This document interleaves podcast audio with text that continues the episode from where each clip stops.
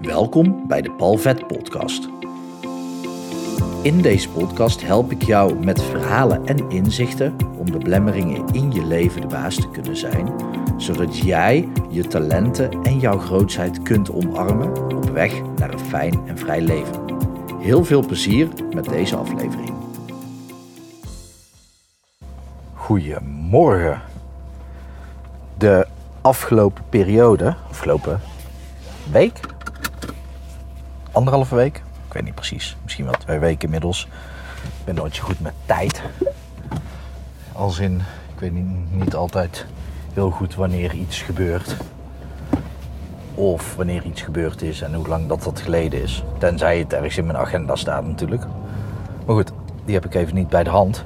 Maar de afgelopen anderhalf, twee weken misschien wel, heb ik weer een aantal mensen gesproken. Waaronder cliënten, maar ook gesprekken gevoerd met andere mensen. En ook, en dan niet één op één, maar ook gewoon in groepen, dat, dat me dingen opvielen. En ja, mij vallen sowieso vaak dingen snel op. En vooral als ze dan met mijn vakgebied te maken hebben natuurlijk. Maar, en ik, ik denk, ik weet niet zeker, ik denk dat ik dit al een keer in de podcast heb benoemd. Maar toch wilde ik dit nog een keer met je delen, omdat dit zo enorm belangrijk is om dit jezelf te beseffen. Ik was met die mensen in gesprek, één op één gesprekken en groep, in groepen.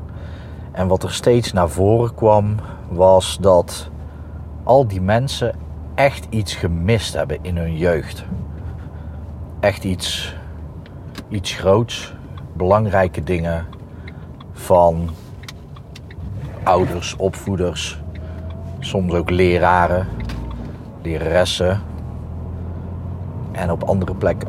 Maar gewoon echt dingen gemist. En dat doet pijn. Die mensen ervaren daardoor pijn. En die pijn die zorgt ervoor dat ze nu, in het leven nu, tegen dingen aanlopen. Uh, echt hard ook tegen dingen aanlopen. Die, die doen pijn als eraan wordt gedacht. Aan terug wordt gedacht. Maar die doen nog meer pijn omdat ze er zoveel last van hebben in hun gedrag momenteel. En in verbinding tot andere mensen. En dat raakt mij dan zo. En Tony Robbins die heeft een hele interessante vraag die hij regelmatig aan mensen stelt. Ik weet niet of dat hij dat aan elke cliënt stelt natuurlijk. Tegenwoordig denk ik niet meer. Uh, maar het is wel een vraag die hij regelmatig stelt. En is ook een handige vraag voor jou om te beantwoorden. Wiens liefde heb jij het meest gemist? Van je mama of van je papa? En ik zeg soms zelfs tegen cliënten voor een sessie: um, houd je niet bezig met hoe het moet gaan in de sessie. Omdat in hypnotherapie vaak dingen niet zijn zoals ze lijken. Of het gaat niet om de dingen waarvan je denkt dat het zou gaan. En deze vraag die, die kan je natuurlijk gewoon inzetten om te kijken wie je moest zijn voor die ouder, wiens liefde je het meest hebt gemist. Dus dan gaat het niet over het missen van de liefde, maar welk gedrag moest jij vertonen om toch een beetje liefde te krijgen van die persoon. En dat is wat ik bedoel. Het gaat helemaal niet over dat je die liefde hebt gemist, maar wel wat daaruit is gekomen. En dat geldt voor jou ook. Het is echt, echt geniaal om daar eens over na te denken. Want degene wie je moest zijn voor je vader of moeder of voor een opvoeder, die dat is de persoon of dat zijn vaak talenten die in jou ontwikkeld zijn. Super helpend dus. En pijnlijk. Dat is een beetje het probleem. maar wat, nou laat ik dit verhaal vertellen. Want dit, en ik weet, zeker, ik weet nu zeker dat ik dit in een andere podcast heb gedeeld. Maar toch, ik heb veel nieuwe volgers bijgekregen. Ik ga het toch gewoon nog een keertje uitleggen. En ik vertel soms dingen ook wel wat vaker, omdat de kracht van herhaling natuurlijk enorm belangrijk is. Maar stel dat ik tegen jou een verhaal zou vertellen. Dus ik zit bij jou thuis op de bank en ik kom binnen met dit verhaal. En wat ik je vertel is dat ik, dan zeg ik hoi, leuk om jou te zien. hey, ik, uh, ik was twee weken geleden was ik in de woestijn, want ik ging daar een retraite houden, een retreat. Dus ik terug me even terug. En ik wilde daar even wat stilte voor mezelf. En dat was echt vet om dat in de woestijn te doen. Alleen was een beetje een probleem dat ik heel slecht ben in kompas lezen. Dus ik had me teruggetrokken op mijn plek in de woestijn. Dus iedereen kreeg een kompas mee en werd gewoon gezegd: oké, eh, na 24 uur gaat er een timer af. Natuurlijk geen telefoon bij ons, maar gewoon alleen een timer. Na 24 uur gaat er een timer af. En dan moet je in de richting van, in, in dat geval van mij dan, uh, ja, recht richting het noorden was het bij mij. Anderen kregen dan een aantal graden. Uh, bij mij was het gewoon recht richting het noorden. Dus ik dacht, oh, dat is makkelijk. Maar goed, om de een of andere reden ging dat heel, heel slecht na 24 uur. En ik had natuurlijk precies voldoende drinken bij me, geen eten, want uh, dan is het ook de bedoeling om te vasten. En ik verdwaalde. Dus dat betekende dat ik een hele extra dag, in ieder geval een aantal uren op de dag, ik weet niet meer precies, 7, 8 uur, die dag in de felle zon door het zand aan het ploeteren was. En het, het grootste probleem was, ik had zo weinig vocht nog in mijn lichaam, want het gaat heel snel daar. Het was echt ja, warm. Ik weet niet meer eens, niet, niet eens hoe warm het was. Het was enorm warm. 40, 45, misschien wel 50 graden. Dus ik begon helemaal uitgedroogd te raken. Zo erg dat ik niet eens mijn stem goed meer kon gebruiken. Want ja, die was gewoon helemaal opgedroogd en helemaal rauw geworden. Want in het begin had ik wel geschreeuwd. Maar heb ik uiteindelijk maar opgegeven. Maar die dorst, kan ik je vertellen. nou ja, ik krijg er nu nog last van in mijn keel. Die dorst is het meest heftige wat je kunt beleven. Dat wil je gewoon niet. Want ja, dat heb je gewoon nog nooit meegemaakt. Jij hebt nog nooit meegemaakt, denk ik zomaar, dat je echt zoveel dorst had.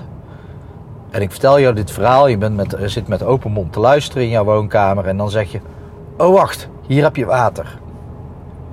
Hier heb je water, twee weken later. Ja, die dorst die ik toen had in de woestijn, overigens is dit natuurlijk gewoon een fictief verhaal. Maar die dorst die ik toen in de woestijn had, die kan nooit meer gelest worden. Nooit meer. Nooit meer. Want die had ik toen moeten lessen. Toen, toen ik zo uitgedroogd was, toen had ik vocht nodig. en was er toen niet. En dan kan ik nu liters en liters en liters water drinken. Maar het zal nooit meer de dorst lessen van toen. En dat geldt voor alles wat jij in je leven hebt gemist, vooral uit je vroege jeugd. Want die dorst die je toen had, die dorst naar liefde, of aandacht, of een knuffel, warmte, vertrouwen, allemaal vermomd als liefde natuurlijk. Maar hetgene wat jij jezelf vertelt, dat had ik toen nodig, dat ga je nooit meer krijgen. En dat is heel belangrijk om jezelf te beseffen. Want het kan zomaar zijn dat jij. Ja, dat je nog steeds op zoek bent naar die dorst. Maar hoe, hoeveel water ik nu vandaag en alle komende dagen, komende jaren ook zal drinken. Het zal nooit meer gelest worden. Het is onlestbare dorst. En die onlestbare dorst die jij ervaart in je leven, die er dus voor zorgt dat jij continu op zoek bent naar datgene wat je toen nodig had, dat doet pijn. Dat doet zoveel pijn en dat, dat veroorzaakt ook echt, echt veel pijn voor je omgeving. Want jij bent op zoek naar iets en je krijgt het misschien wel van de omgeving, maar het zal nooit genoeg zijn. Het zal nooit genoeg zijn. Echt nooit. Nooit genoeg.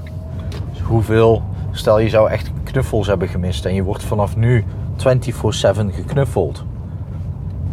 Dat lost het probleem van toen niet op. Het zal nooit gebeuren. En dit is super belangrijk en pijnlijk. Als je echt beseft wat dit inhoudt, dan is het heel erg helpend, maar ook heel erg pijnlijk tegelijk. En ja, dat is gewoon belangrijk om je te beseffen dat die dorst niet meer gelest gaat worden. En dat je in hypnotherapie bijvoorbeeld, of met een andere therapeut of coach, er wel voor, kan zorgen dat het op een andere manier volledig verwerkt wordt. Het is niet zo dat je daadwerkelijk de, de dorst die je toen had kunt lessen. Maar je kan het wel.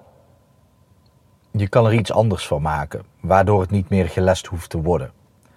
En dat gun ik jou. Dat gun ik iedereen. Want al die pijn die ik de afgelopen weken heb gezien. Bij al die mensen. Ik, ik, ik wil dat gewoon oplossen. Dat is mijn ding. Ik hoop dat het goed met je gaat. Ik hoop dat het goed gaat met dierbaren van je. En ik wens je natuurlijk nog een mooie dag toe.